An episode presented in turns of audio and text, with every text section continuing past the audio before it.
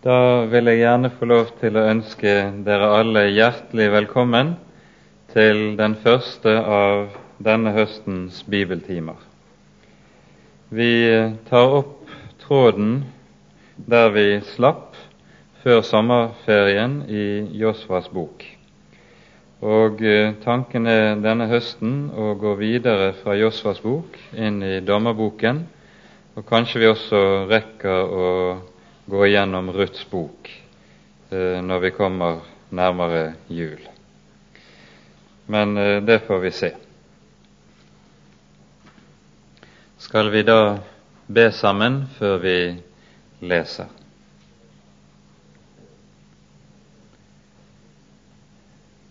Kjære Herre, du hellige og trofaste Frelser. Vi takker og lover deg fordi vi skal få lov til å samles på ny i ditt gode navn. Takk, Herre, at du har holdt oss oppe like til denne dag. Daglig gir du alt vi trenger til legem og til sjel. Og ikke minst, Herre, av din store nåde har du holdt oss oppe ved troen på Jesus. Nå ber vi deg, du vår Gud, at du vil komme og være til stede, at du vil lukke opp våre øyne, at vi kan se de underfulle ting i ditt ord. Ja, Herre, at du vil lukke opp ordet ditt, at vi kan få trenge inn i det du selv har å bringe oss, og lære oss å frykte ditt navn. La din ånd styre min munn og min tanke, at det som er av deg, får lyde, og ingenting annet. Amen.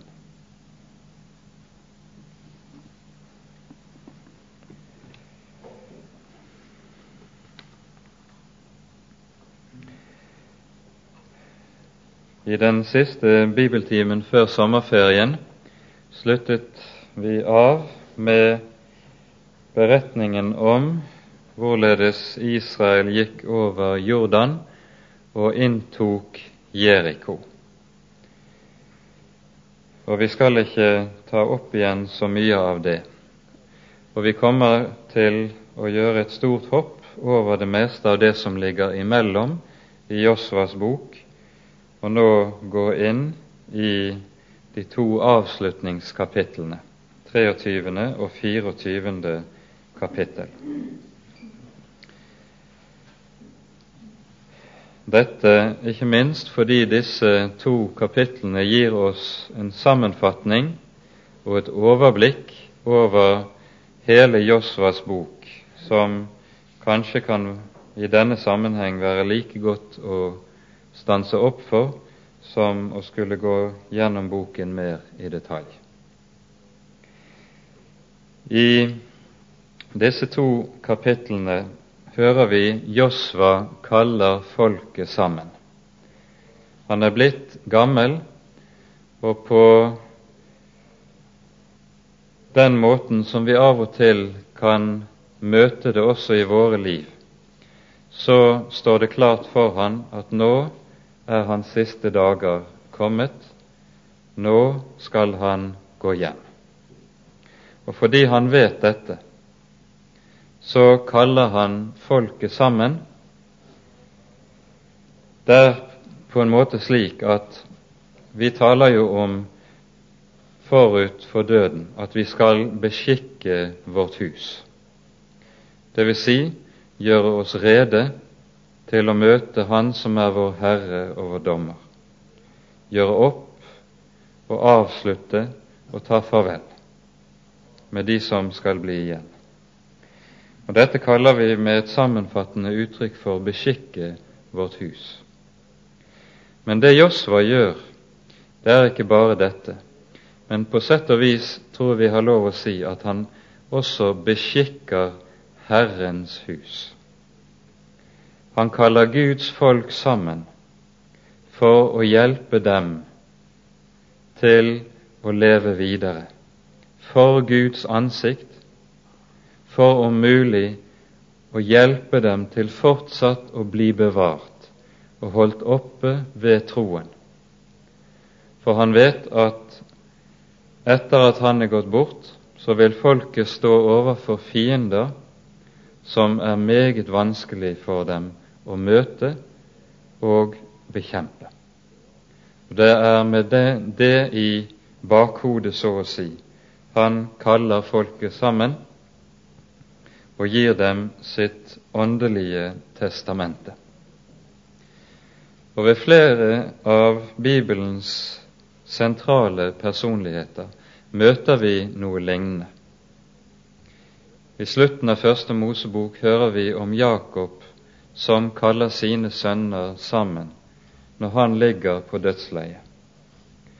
Og når han velsigner sine sønner, så er det ikke bare et fromt ønske om at det skal gå dem vel, men han gis av Guds ånd profetisk utsyn og overblikk over dager som skal komme, slik at i disse Jakobs velsignelser som vi hører om i Første Mosebok 49, hører vi om hele gamle, den gamle pakts tid like inntil Messias komme, som han også taler om. På samme måte hører vi om Moses, hvorledes han samler folket forut for sin død, for å formane dem, for å minne dem, advare dem og velsigne dem. Og På samme måte kan vi også høre noe tilsvarende i Det nye testamentet. Peters annet brev tror jeg vi har lov å se på nettopp som Peters åndelige testamente, hans avskjedstale forut for sin død. Det som kjennetegner Josvas avskjed, er at den på svært mange måter er lik Mose avskjedstale når vi leser de siste kapitlene i Femte Mosebok. Og dette er nok ikke tilfeldig. Det er slik både fordi Josva hadde som sitt livs kall og oppgave å fullbyrde hva Moses begynte. Og slik sett hadde Josva, og skulle heller ikke Josva, ha noe nytt å komme med. Dette er noe som er viktig å merke oss i denne sammenheng. Når Josva nå kaller folket sammen, så gjør han det to ganger. Første gang hører vi om i kapittel 23. Annen gang i det 24. kapittel. Og den første samlingen er sannsynligvis en mindre samling som bare blir bestående av folkets eldste mens den annen samling er langt større, der en stor brorpart av folket kommer og er til stede. Den første samlingen foregår antagelig i Josvas egen hjemby, Timnat Sera, som den het. Den lå i Efraimfjellene et par mil nord for Jerusalem, ikke så langt fra Shilo, der tabernaklet ble reist. At tabernaklet ble reist i Shilo, det hører vi om i det 18. kapittel i Josvas bok. Og Der ble tabernaklet stående gjennom hele dommertiden, en periode på ca. 400 år. Den annen samling den foregår i Shikhem, og det skal vi komme litt tilbake til. For at den foregår i Skikkem, har stor betydning. Men la oss nå først stanse opp for dette som sies i kapittel 23. og med det som noe av et overlys over det som sies i disse kapitlene. Ordet i kapittel 4, vers 14. Der sies det:" Den dag gjorde Herren Josva stor for hele Israels øyne, og de fryktet ham like som de hadde fryktet Moses alle hans dager. Dette sies i forbindelse med at da Israel skulle gå inn i det lovede land, så stanset Jordan i sitt løp, og Israel kunne krysse Jordan på det tørre, akkurat på samme måte som da Israel gikk ut av Egypt, så delte Det røde hav seg, og Israel kunne gå ut av fangenskapet på havets bunn. Så også her. Og der oppfyller Herren sitt løfte til Josva, som han ga ham da et, etter at Moses var død. For da sa Herren til Josva, like som jeg var med Moses, vil jeg være med deg alle ditt livs dager. Og Derfor begynner Josvas gjerning med et under som på grunnleggende vis minner om overgangen over Det røde hav. Og ved å bruke Josva slik, så legger Gud for dagen hvordan Herren har tenkt å bruke sin tjener. Og slik skjer det, som vi leste, den dag gjorde Herren Josva stor i alt folkets øyne, så de fryktet ham like som de fryktet Moses. Og Dette skal vi legge merke til, fordi dette innebærer at dersom Gud kaller et menneske til et kall til en oppgave, så behøver den det gjelder, ikke selv å hevde seg for å bli hørt, for å bli lagt merke til, for å virkeliggjøre sitt kall. Det skal Herren sørge for. Dette er meget viktig å merke seg. Kaller Herren et menneske til en tjeneste, så sørger Herren selv for å gi den det gjelder, den plass som er nødvendig for at tjenesten skal fullbyrdes, slik Herren har tenkt. Tjeneren behøver ikke å løpe omkring for å få folk til å legge merke til hvem han er, hva slags kall han har, eller hvor stor betydning han innbiller seg at han skulle ha. Det er Guds sak, ikke tjenerens sak. Og Dette tror jeg gjelder like mye i den nye pakts tid som det gjaldt den gang. Jesus sier jo også et ord som har vært minnet om tidligere i denne sammenheng, i Johannes 12. Om noen er min tjener, ham skal Faderen ære.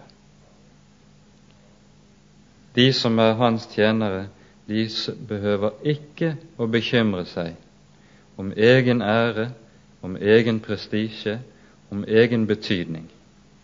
Det er Guds sak. Og så skal tjeneren få hvile i det.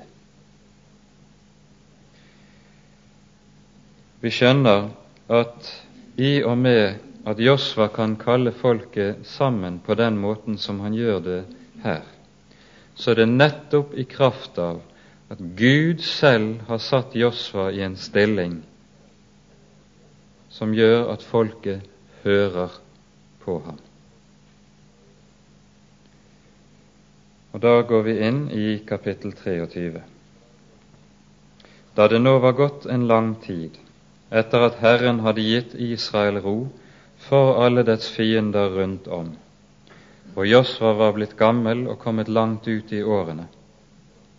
Da kalte Josva til seg hele Israel, dets eldste, dets høvdinger, dets dommer og dets tilsynsmenn, og sa til dem:" Nå er jeg blitt gammel og kommet langt ut i årene, og dere har sett alt hva Herren deres Gud har gjort med alle disse folk som han drev ut for dere. For det var Herren deres Gud som stred for dere. Nå har jeg ved loddkasting tildelt dere de folk som ennå er tilbake som arvelodd, etter deres stammer, og likeså alle de folk jeg har utryddet fra Jordan til det store hav i vest. Og Herren deres Gud skal selv støte dem ut og drive dem bort for dere, og dere skal ta deres land i eie, således som Herren deres Gud har sagt til dere. Så vær nå faste i å holde og gjøre alt det som er skrevet i Moselovbok så dere ikke viker av derfra, verken til høyre eller til venstre, og ikke gir dere i lag med disse folk, de som ennå er tilbake hos dere. Deres guders navn skal dere ikke nevne, og ikke la noen sverge ved dem, og ikke dyrke dem og ikke tilbe dem. Men Herren deres Gud skal dere holde fast ved således som dere har gjort til denne dag. Derfor har Herren drevet store og sterke folk bort for dere, og ingen har holdt stand mot dere til denne dag. En mann av dere drev tusen på flukt, for det var Herren deres Gud som stred for dere, således som Han hadde sagt til dere. Ta dere da nøye i vare, så sant dere har deres liv kjært, og elsk Herren deres Gud.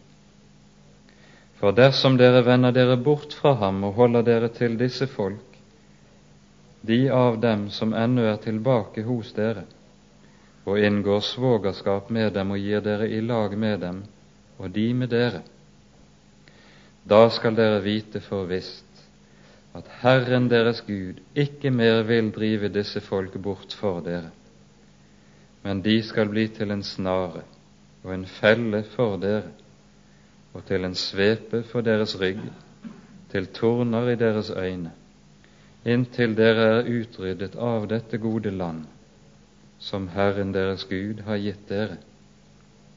Se, jeg går nå all jordens vei, så skal dere av alt deres hjerte og av all deres sjel kjenne at ikke ett eneste ord er blitt til intet av alle de gode ord Herren deres Gud har talt over dere. De er alle sammen oppfylt for dere, ikke ett eneste ord derav er blitt til intet. Men like som alle de gode ord Herren deres Gud har talt til dere, er oppfylt på dere, således skal Herren la alle de onde ord oppfylles på dere, inntil Han har utryddet dere av dette gode land, som Herren deres Gud har gitt dere. Når dere bryter Herrens, deres Guds pakt, som Han opprettet med dere, og gir dere til å dyrke andre guder og tilbe dem, da skal Herrens vrede opptennes mot dere, og dere skal snarlig bli utryddet av det gode land Han har gitt dere. I dette avsnittet skal vi bare stanse opp ved et par ting, for jeg tenkte vi i hovedsak skulle stanse opp for kapittel 24. Det første vi skal legge merke til, det er at Josva, når han samler folket forut for sin død, i vers 3 sier Dere har sett alt hva Herren deres Gud har gjort med alle disse folk. Han sier ikke dere har sett alt hva jeg har gjort. Og dermed så blir det klart at det som skal være Josvas livsverk som han liksom samler opp i en sum når han ser tilbake, det er at mitt livs verk er ikke mitt livs verk, men det er Herrens verk. Dere har sett hva Herren, deres Gud, har gjort. Han taler i det hele tatt ikke om seg selv, ikke om sitt eget, ikke om hvilken betydning han har hatt, selv om han sannelig har hatt stor betydning. Det han taler om, er at det er Herren som har handlet og gjort alle ting. Dette vil han minne dem om. Og så minner han dem videre i vers 6. Så vær nå faste.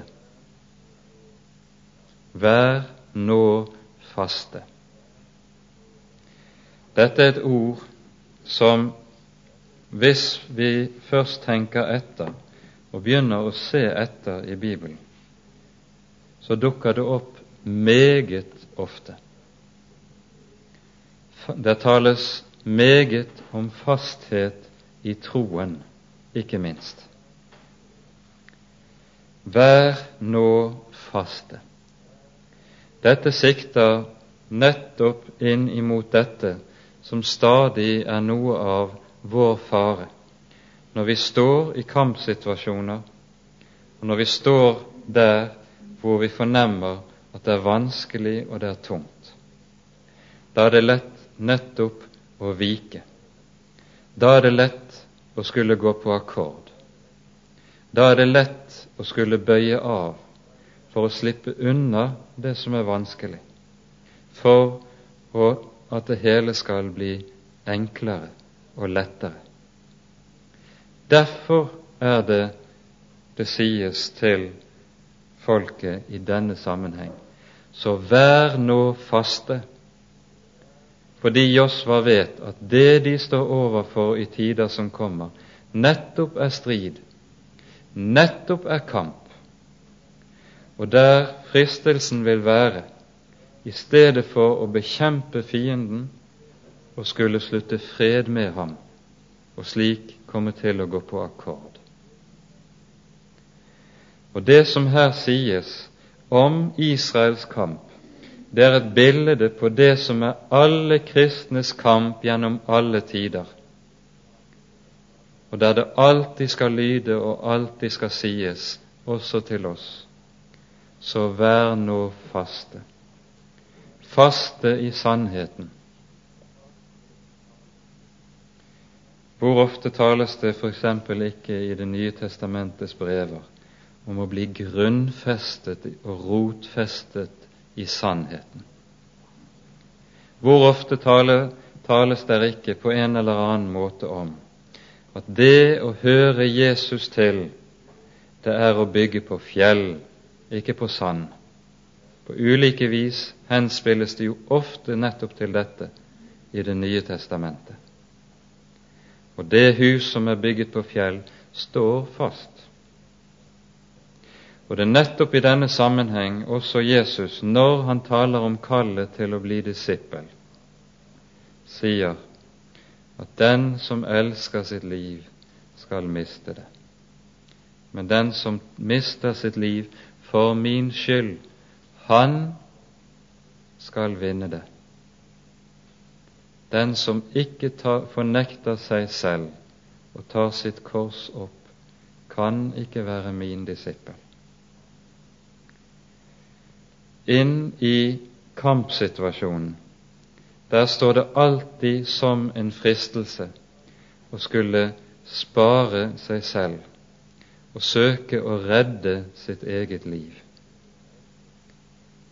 Nettopp ved å tilpasse seg slik at man får det litt enklere når det er kamp. Så sier Skriften, så vær nå faste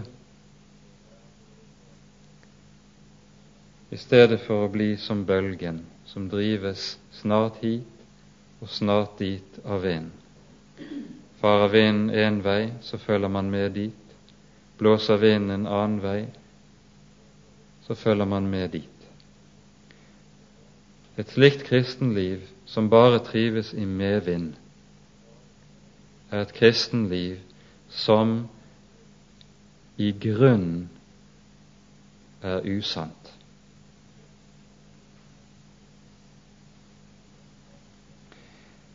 Når Josva har sagt dette, så peker han videre i vers 7. Og vi skal merke oss den indre sammenheng mellom disse ting. Så sier han, gi dere ikke i lag med disse folk. Med det sier han, ha klare grenser. Ikke bland sammen det som er av Gud, og det som ikke er av Gud. Ikke blands slett ut grensen mellom det som er Guds folk, og det som ikke er Guds folk, ved å ødelegge og rive ned skillelinjen. Og Dette tror jeg vi trenger å minne hverandre om i dag òg. Ikke minst fordi vi har sett det gjennom altfor lang tid at nettopp den, det skillet som Skriften selv setter mellom mennesker, i det den sier enten er man født på ny, eller så er man ufødt, ugjenfødt. Enten er man frelst, eller så er man ikke frelst. Enten hører man til Guds folk, eller så gjør man det ikke. Den skillelinjen har det vært altfor vanlig i etterkrigstiden å søke å slette ut. Og det kan bare skje til skade for budskapet og til skade for sjelene. For det er intet menneske, det skal vi være klar over. Det hører med som en grunnleggende sannhet i det kristne budskapet òg, at man får aldri virkelig hjelp der hvor det er uklarhet. Det er bare der hvor det er klart, og hvor grensene også holdes klart oppe for våre øyne, man kan ha reell hjelp. Slik taler Skriften, og slik har Gud talt nettopp for at vi skal ha hjelp i en verden hvor det er såre vanskelig å finne frem mange ganger.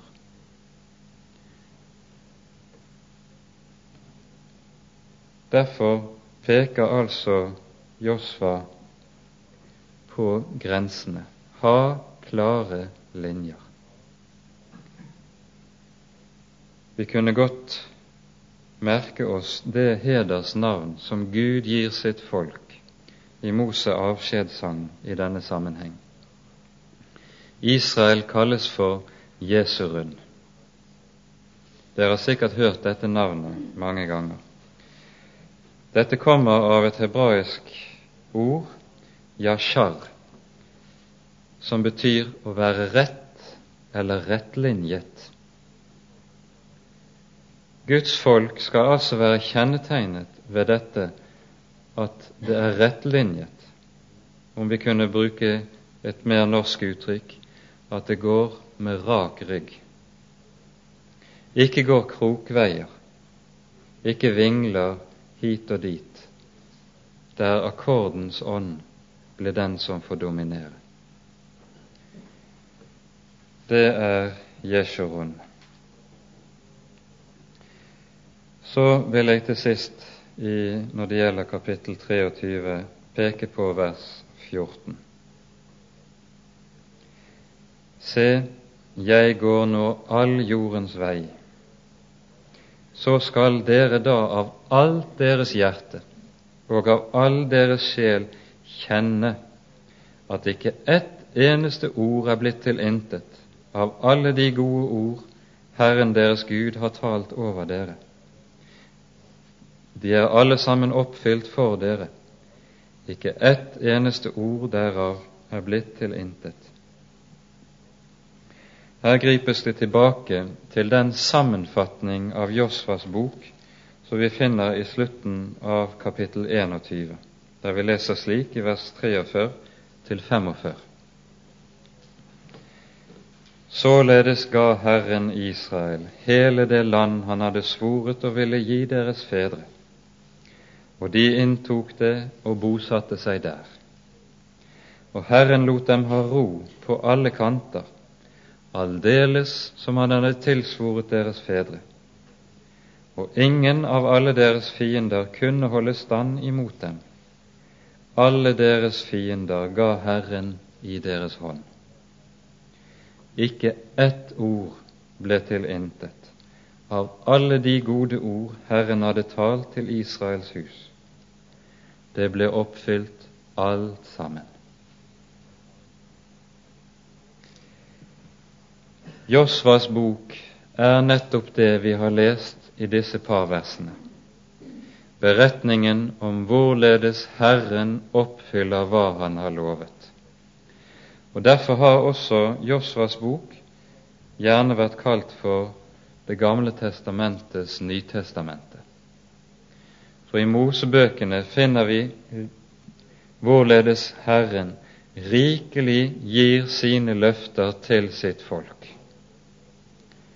Allerede fra første Mosebok tolv, når Herren kaller Abraham, og han drar ut fra Ur og kommer til Kanaan, så taler Herren til Abraham og sier, Deg vil jeg gi dette land. Og slik gjentar, utdyper og konkretiserer Herren sine løfter, både for Abraham, Isak og Jakob, og senere gjennom Moses til folket, på ny og på ny, på ulik måte. Og Josvas bok er da beretningen om hvorledes Herren har holdt hva Han har lovet. Israels Gud er den trofaste Gud, den som står ved sitt ord. Og dette skal vi merke oss, at det gammeltestamentlige ordet for, for trofast, det kan også oversettes med sandru eller sannferdig.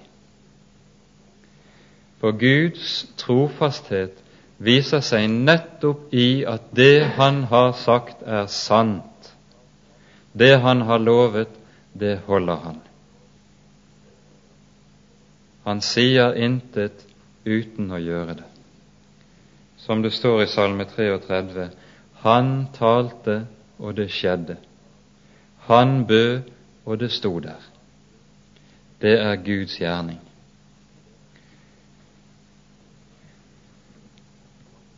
Og inn i dette har vi vel lov til også å si at Josvas bok, slik det har vært pekt på, er den sterkeste stadfestelse av ordet i Romerne 8.31. Dersom Herren er for oss, hvem kan da være imot oss? Om fienden er aldri så sterk, aldri så mektig, aldri så tallrik. Når Herren er for oss, hvem kan da være imot oss? Det er kjernen av hele Josvas boks budskap. Eller om vi vil bruke et annet uttrykk det som vi finner i åpenbaringsbokens 3.8, der Herren, der Jesus sier slik Jeg åpner en dør, hvem kan da lukke den? Og når jeg lukker en dør, hvem kan da åpne den? Herren åpnet døren for sitt folk inn i det lovede land, da han skilte Jordans vann hvem kunne da stenge for dem? Når Herren er for oss, hvem kan da være imot oss? Og Samtidig ligger det i Josvas advarsel, slik som det sies i det neste verset, i vers 15 her i kapittel 23. Dersom Herren er imot oss, hvem kan da være for oss? Da hjelper det ikke om man er aldri så sterk, om man lykkes aldri så godt. da vil intet kunne hjelpe en. Og det bekreftes så altfor godt senere i Israels historie. Det som stadig så ut til å være faren for Guds folk, det var at de på den ene side prøvde å dyrke Herren ved offertjenesten i tempelet, samtidig som de fritt levet som de ville, gikk på sine egne veier i sitt liv og i sin ferd. Dette kan vi jo oppleve mange ganger hos oss og iblant også, oss også. At mennesker kan være religiøse, kan være med i kristent arbeid, søke til gudstjeneste, mens de samtidig i sitt liv står Gud imot. Og da trenger vi ikke å gjøre noe annet enn å peke på de ti bud. Når et menneske lever slik, så hjelper det ikke om det går aldri så mye til gudstjeneste og ber aldri så pene bønner og er aldri så aktiv med i det kristne arbeid. Da er Gud imot det mennesket. Hvem kan da være for det? Dette trenger vi å minne hverandre om også i dag, for det er ikke uaktuelt. Så kommer vi dit hen at Josva samler en større del av folket i Sikkem. Og da skal vi lese kapittel 24.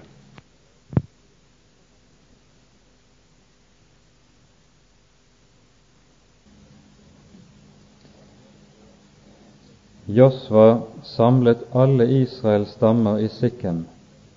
Han kalte til seg Israels eldste, dets høvdinger og dets dommere, dets tilsynsmenn, og de trådte frem for Guds åsyn. Og Josva sa til hele folket, så sier Herren, Israels Gud, på hin side av elven bodde fordum deres fedre, blant dem Tara, Abrahams og Nakors far, og de dyrket fremmede guder. Og jeg tok deres far Abraham fra hin side elven og lot ham vandre om i hele Kanans land. Og jeg gjorde hans ett tallrik og ga ham Isak. Og Isak ga jeg Jakob og Esau, og jeg ga Esau Seirfjellene til eie. Men Jakob og hans barn dro ned til Egypt. Siden sendte jeg Moses og Aron, og jeg slo Egypten med plager, således som dere vet jeg gjorde det, og deretter førte jeg dere ut. Da jeg nå førte deres fedre ut av Egypten, kom dere til havet, men egypterne forfulgte deres fedre med vogner og hestfolk til Det røde hav. Da ropte de til Herren og han satte et mørke mellom dere og egypterne, og lot havet slå sammen over dem, så det skjulte dem. Med egne øyne så dere hva jeg gjorde i Egypten. Siden bodde dere en lang tid i ørkenen. Så førte jeg dere inn i amorittenes land, de som bodde på hin side av Jordan. De førte krig mot dere men jeg ga dem i deres hånd, så dere tok deres land i eie, og jeg utryddet dem for dere. Da sto Balak, Sippors sønn, Moabs konge, opp og stred mot Israel, og han sendte bud etter Biliam, Beors sønn, for at han skulle forbanne dere. Men jeg ville ikke høre på Biliam, og han måtte velsigne dere, og jeg frelste dere av hans hånd. Så gikk dere over Jordan og kom til Jeriko, og innbyggerne i Jeriko stred mot dere, likeså amorittene og ferisittene og kananittene og hetittene og girgasittene, hevittene og jebusittene, og jeg ga dem i deres hånd. Og jeg sendte vepser foran dere, og de drev dem ut for dere, like som også begge Amorittakongene. Det var ikke med ditt sverd, og ikke med din bue de ble drevet ut. Og jeg ga dere et land som du ikke har hatt møye med, byer som dere ikke har bygget, og dere bosatte dere i dem. Dere eter av vingårder og oljetrær som dere ikke har plantet. Så frykt nå Herren, og tjen Ham i oppriktighet og troskap, og skill dere av med de guder som deres fedre dyrket på hin side av elven og i Egypten, og tjen Herren. Men synes dere ikke om å tjene Herren, så velg i dag hvem dere vil tjene enten de guder deres fedre dyrket på hin side av elven, eller amorittenes guder i hvis land dere bor. Men jeg og mitt hus, vi vil tjene Herren. Da svarte folket og sa, det være langt fra oss å forlate Herren for å dyrke fremmede guder. For Herren vår Gud, Han var det som førte oss og våre fedre opp av Egyptens land, av trellehuset, og som gjorde disse store tegn for våre øyne, og voktet oss på hele den vei vi gikk, og blant alle de folk hvis land vi dro igjennom. Og Herren drev ut for oss alle disse folk, og de amoritter som bodde i landet. Også vi vil tjene Herren, for Han er vår Gud, og Josva sa til folket, Dere kan ikke tjene Herren, for Han er en hellig Gud. En nidkjær Gud er Han. Han vil ikke bære over med deres overtredelser og synder. Når dere forlater Herren og dyrker fremmede guder, da vil Han vende seg bort og la det gå dere ille og tilintetgjøre dere etter at Han før har gjort vel imot dere. Men folket sa til Josva, Nei, Herren vil vi tjene. Da sa Josva til folket, Så er dere da selv vitner imot dere, at dere har valgt Herren og vil tjene Ham. De sa, Ja, det er vi vitner på. Josva sa, så skill dere nå av med de fremmede guder som dere har hos dere, og bøy deres hjerte til Herren deres Gud. Og folket sa til Josva, Herren vår Gud vil vi tjene, og Hans ord vil vi lyde. Den dag gjorde Josva en pakt med folket i Sikkem og satte, lov, satte lov og rett for dem og Josva skrev opp disse ord i Guds lovbok. Og han tok en stor stein og reiste den der under den ek som sto ved Herrens helligdom. Og Josva sa til hele folket, Se, denne sten skal være et vitne mot oss, for den har hørt alle de ord som Herren har talt med oss, og den skal være et vitne mot dere, for at dere ikke skal fornekte deres Gud. Så lot Josva folket fare, hver til sin arvelodd. Noen tid etter døde Josva, Nuns sønn, Herrens tjener, 110 år gammel, og de begravet ham på hans arveloddsgrunn i Timnat Sera, som ligger i Efraimfjellene nordenfor Gaas-fjellene. Og Israel tjente Herren så lenge Josva levde, og så lenge alle de eldste levde som overlevde Josva, og som kjente til alle de gjerninger som Herren hadde gjort for Israel. Og Josefs ben, som Israels barn hadde ført opp fra Egypten, begravet de ved Shikhem, på det jordstykket som Jakob hadde kjøpt av Hemors, Sikkems fars sønner, for hundre kesitter. Og Josefs barn fikk det til arvelodd. Og Eliasa, Arons sønn, døde, og de begravet ham på den haug som, han, som hans sønn Pinehas hadde fått i Efraimfjellene.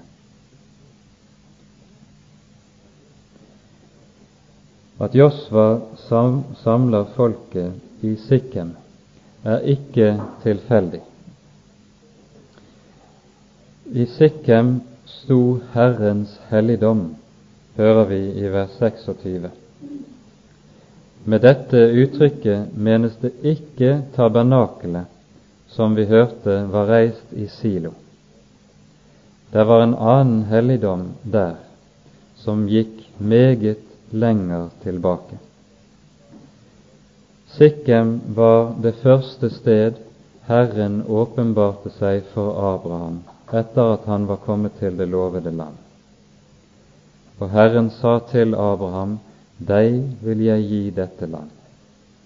Og Abraham bygget der et alter for Herren, som hadde åpenbart seg for ham, leser vi i Første Mosebok 12. Under denne ek, som det her er tale om.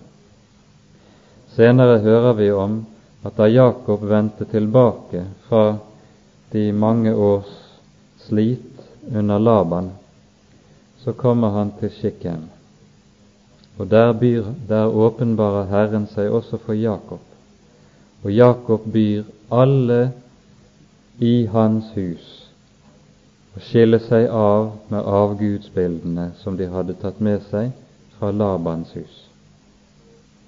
Kikken får en særskilt betydning som det sted der Herren åpenbarte seg, der man skiller seg av med avguder. Og nettopp denne betydning understrekes for Israel når de inntar landet. Umiddelbart etter at Jeriko og Ai, de to første byene under erobringen, er inntatt, så drar hele folket samlet opp til Shikhem for å innvie landet og seg selv til Herren. Og det gjøres ved en spesiell seremoni, for å bruke et litt dumt uttrykk, som Moses hadde foreskrevet folket at de skulle gjøre, og som vi leser om i 5. Mosebok 26. Der bygges et alter i bunnen av dalen Skikken ligger nemlig slik at det er et dalsøkk som har to fjell på hver side. På eh, sydsiden ligger fjellet Garisim, og på nordsiden fjellet Ebal. Og så skulle halve folket stå på Garisim, andre halvdelen av folket stå på Ebal, oppover fjellsiden. Og da sto de liksom i et stort amfi. Og så skulle prestene, Herrens prester, lese opp for folket. Vi leser om dette i Josvas boks åttende kapittel. Vi kan gjøre det ganske kort. Kapittel åtte fra vers 30.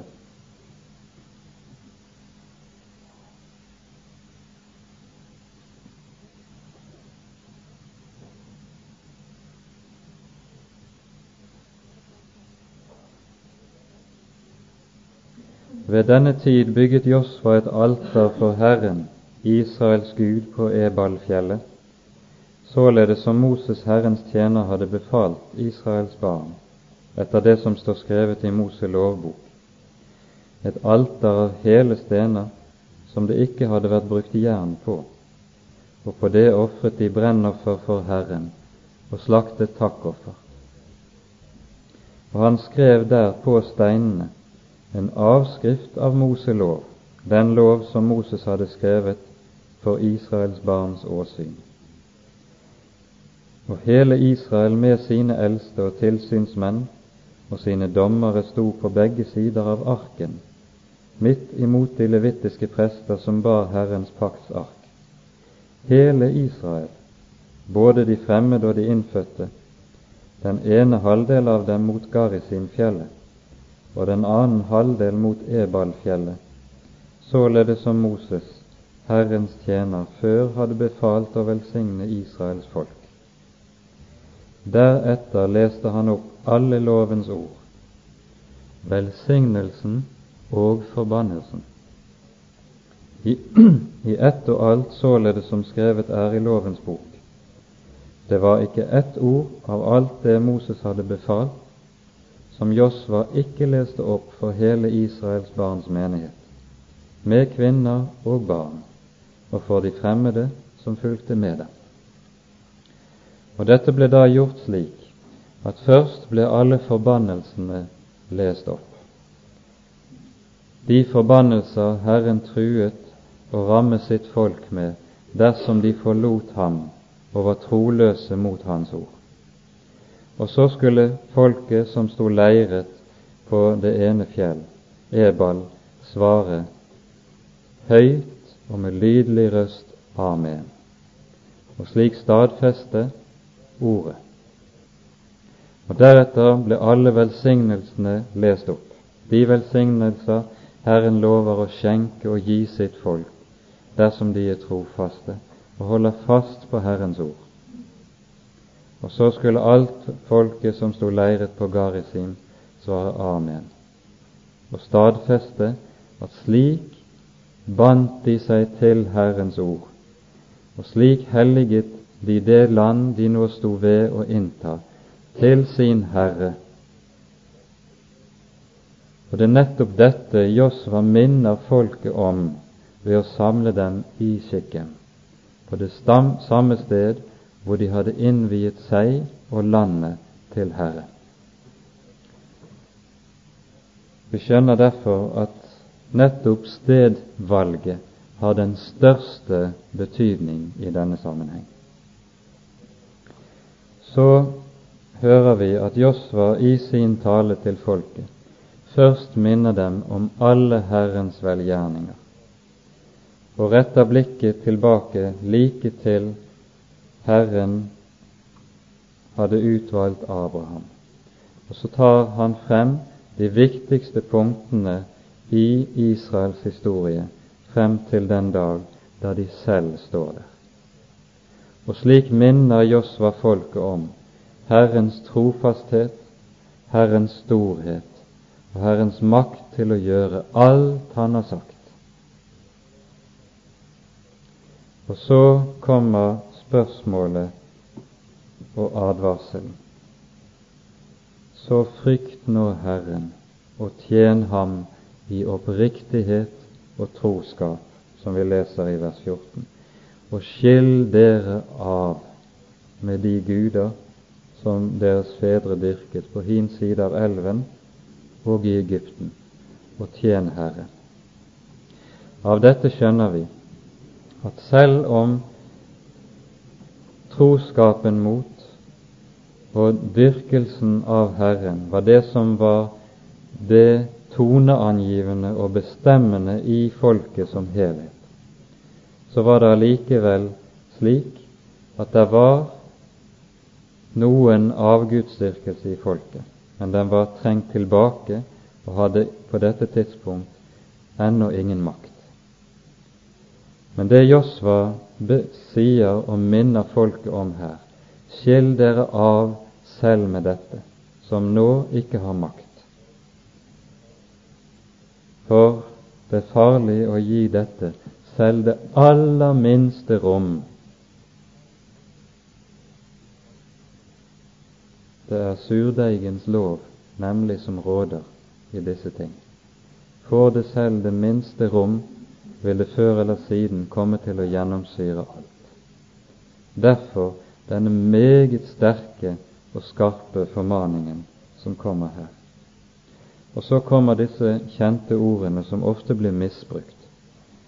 Synes dere ikke om å tjene Herren, så velg i dag hvem dere vil tjene. Dette ordet brukes ofte i forkynnelse for uomvendte mennesker der man minner dem om at i dag må dere velge. Du skal velge om du er en kristen, om du vil være en kristen, eller om du ikke vil være en kristen. Men vi skal legge merke til at det er ikke det Josva sier i denne sammenheng.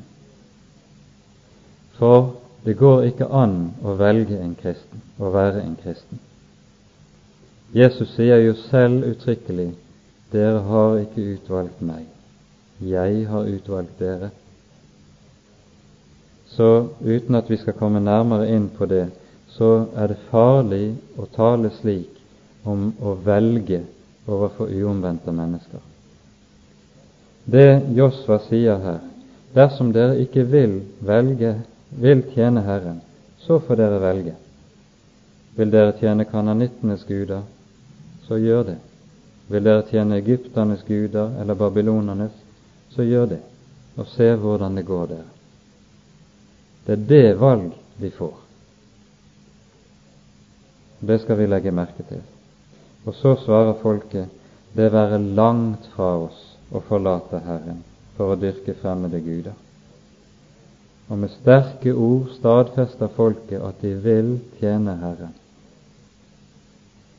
Men så svarer Josva noe som er helt forunderlig, dersom vi i hvert fall ved første øyekast. I vers 19 sier han til folket dere kan ikke tjene Herren. Vi skulle vente at han ville takket og vært takknemlig og sagt Godt, dere vil tjene Herren. La oss så innvie oss til ham. Men han sier tvert om dere kan ikke tjene Herren. Og hva som ligger bak her, det kan vi kanskje skjønne litt mer av når vi tenker tilbake til det som utspant seg da Israel sto ved Sinai. Og der Herren kommer og taler til sitt folk, gir dem sitt ord, og folket svarer som med en røst. Alt hva Herren har sagt, vil vi gjøre. Alt hva Herren har påbudt oss, vil vi lyde. Det høres så fint ut, men det ser ut til at det er for store ord for et menneske å ta i sin munn. Og Derfor går det heller ikke mer enn 40 dager før dansen går rundt gullkalven. Dette skal minne oss om å være ytterst forsiktig og tale store ord om oss selv og hva vi vil gjøre, hva vi kan gjøre når vi vil tjene Herren. En kristen skal tale lavmælt om seg selv. Skal vi tale om noe, så skal det være om Han som er Herre. Det er Han som er trofast. Min trofasthet er det så som så med. Det er Han som er den sterke. Min styrke smuldrer som spindelvev. Og så sier Josva, dere kan ikke tjene Herren. For, sier han videre, Herren, en nidkjær Gud er Han, Han er en hellig Gud, og Han vil ikke bære over med deres overtredelser og synder. Og dette er noe som vi har vært inne på et par ganger, men som vi ikke nok kan minne om i dag, hvor det nettopp er blitt slik at vi man har fått et bilde av Gud der Guds hellighet og Guds nidkjærhet er satt en tykk, tykk strek over. Man taler meget om kjærlighet når man taler om Gud i dag.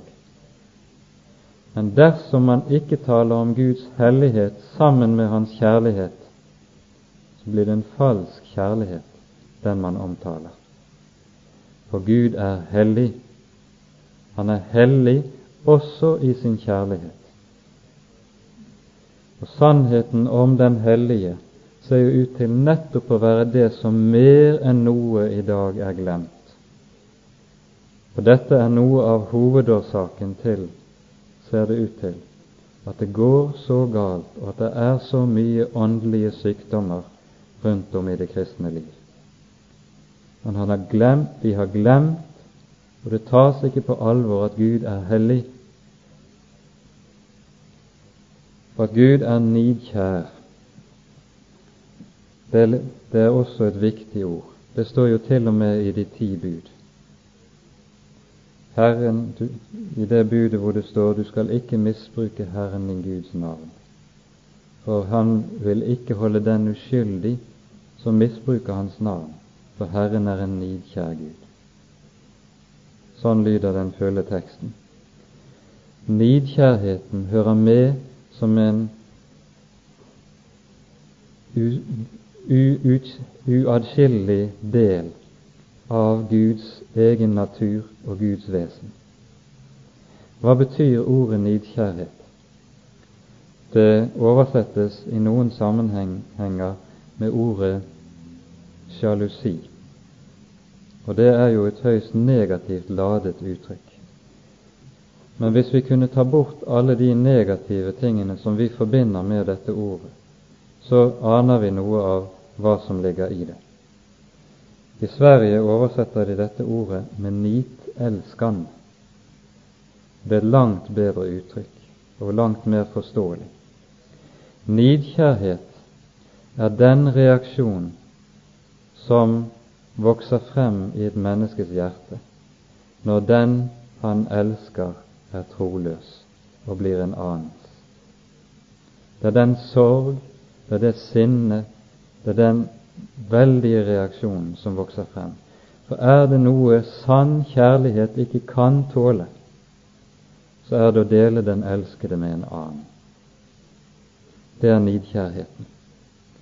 Og Guds nidkjærhet er nettopp det at Han ikke kan tåle at vi mennesker hengir oss til noe annet, til noen annen, til andre guder og tjener andre herrer.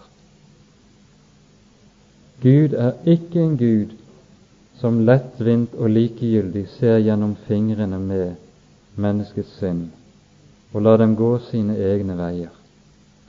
Det er ikke det kjærlighet betyr. Kjærlighet betyr ikke likegyldig toleranse. Guds kjærlighet er en nidkjær kjærlighet, som ikke kan orke, som ikke kan tåle å se at det mennesket som han ga sin egen sønn for,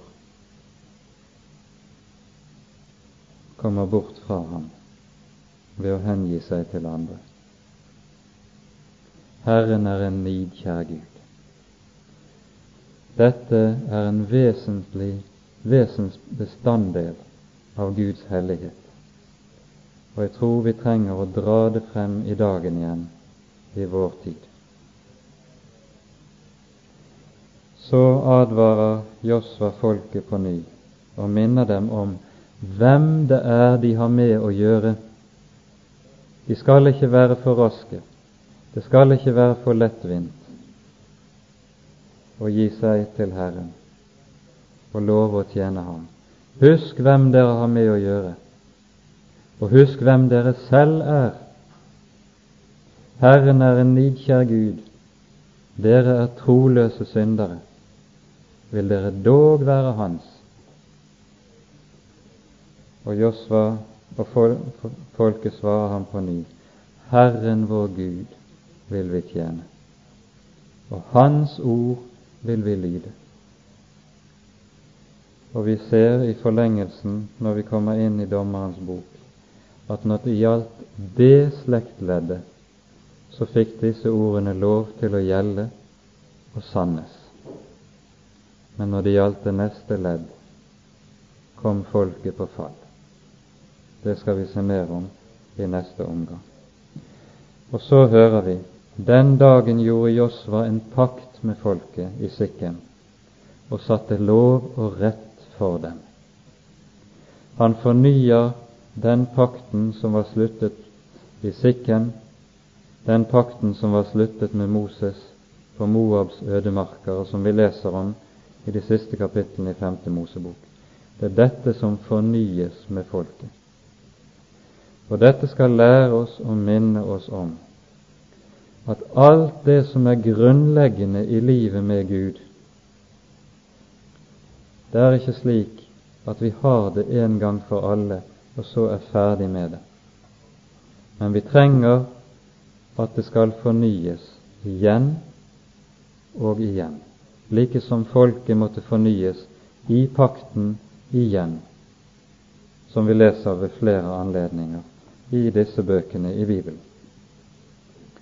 Og så settes det opp et, et vitne, en minnestein, sånn at det skulle være synlige tegn og vitner til dette som her hadde utspent seg, og slik at folket ved disse synlige tegn skulle minnes på ny hver gang de så det, om hva som her hadde utspent seg, og hva de hadde lovet, om hvem de var, hvem de tilhørte i pakten. Og slik beskikker Josva Herrens hus før han dør. Og når dette er gjort, og så å si vielsesringen er satt på Israels finger, som tegn på at de skal tilhøre ham, at han skal være deres ekte herre, så kan Josva som folkets forlover forlate livet, hans gjerning er fullbyrdet. Enda står det mye igjen å innta av det lovede land. For med Josvas bok er idet den avsluttes, så er ikke erobringen av landet avsluttet. Og dette er igjen noe som er karakteristisk, tror jeg vi har lov å si, for hele Det gamle testamentet. I Det gamle testamentet ser vi begynnelsen, men ikke fullbyrdelsen. Det gjelder selv i dette skrift, hvor det tales om oppfyllelsen av Guds løfter. Og slik blir Josvas bok en bok som på mange måter gir oss Det gamle testamentet i en sum. Gud oppfyller hva Han lover, men vi ser begynnelsen der. Oppfyllelsen kommer senere. Og så kan Josva legge seg til hvile. Hans dager er talt, og et liv som har bestått i kamp, er slutt.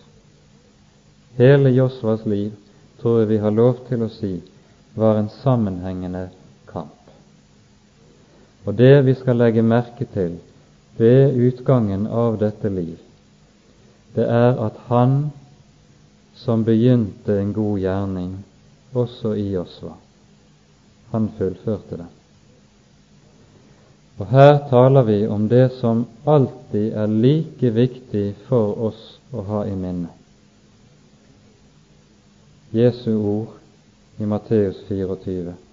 Den som holder ut til enden, skal bli frelst.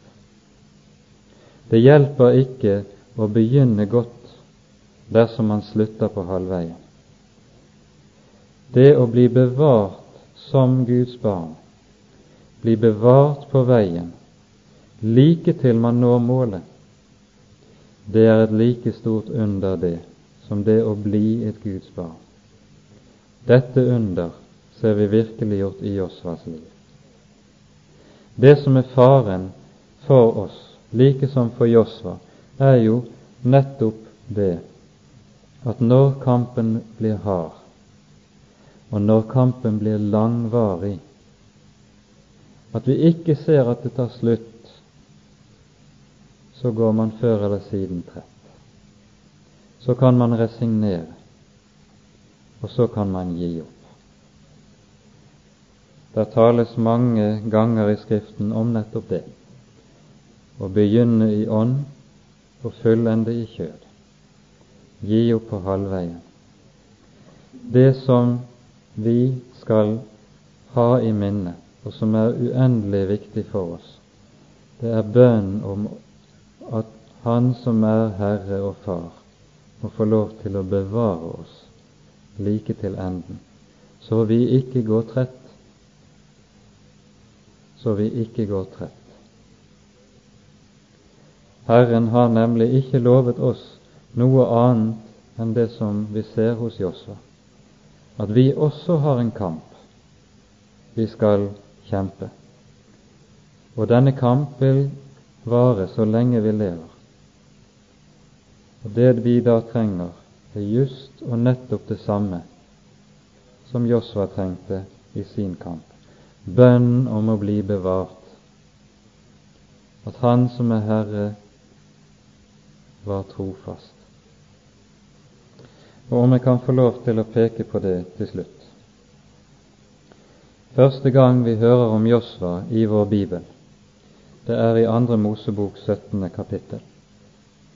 Da angripes Israel like etter at de har gått over Det røde hav av amalekittene, et ørkenfolk som var kjent for sin store militære styrke og for sin grusomhet. Og Josva pekes da ut av Moses til å lede folket i kampen mot Amalek. Og etter at folket har seiret, så bygger Moses et alter og kaller det 'Herren er mitt banner'.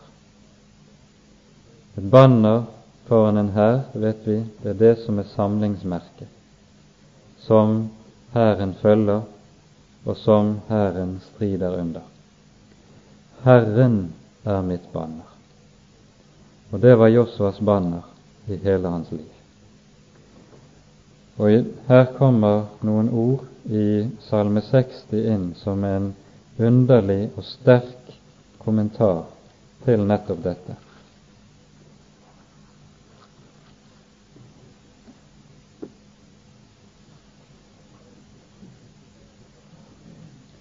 Først i Salme 60, vers 6.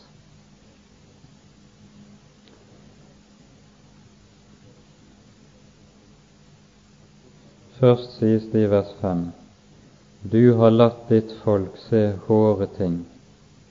Du har gitt oss vin og drikke, så vi tumlet. Men du har gitt dem som frykter deg, et hærmerke til oppreisning for sannhetens skyld. Dette ordet som her er oversett med hærmerke, er det samme ordet som banner i denne sammenheng det samme ordet som står i grunnteksten. Og, om vi kan få lov til å si det, dette ordet som her står, er det ord som brukes i Fjerde Mosebok kapittel 21 når det står om kobberslangen i ørkenen. Folket så slangen som sto som et banner og fikk leve. Og det er det som ligger i det. Du har gitt dem som frykter deg, et hærmerke til oppreisning. Reises opp i striden til å få leve, like som hine i Fjerde Mosebok. Og Da aner vi også noe av den, det forbildet som her er gitt oss inn i Johannes 3, like som Moses opphøyet slangen i ørkenen. Og da ser vi også at her er det Josva har sin hjelp. For Salme 60 slutter slik. Gi oss hjelp mot fienden, for menneskehjelp er tomhet. Gi oss hjelp mot fienden, for menneskehjelp er tomhet. Det er Josvas liv i en sum og det å kunne utånde slik. Fordi, som Josva, han hadde fått et banner til oppreisning, og derved hadde noe som ikke var menneskehjelp. Da kunne Josva også stå den siste strid og gå over den siste Jordan inn til hvilen som ventet ham. Og med det stanser vi i dag.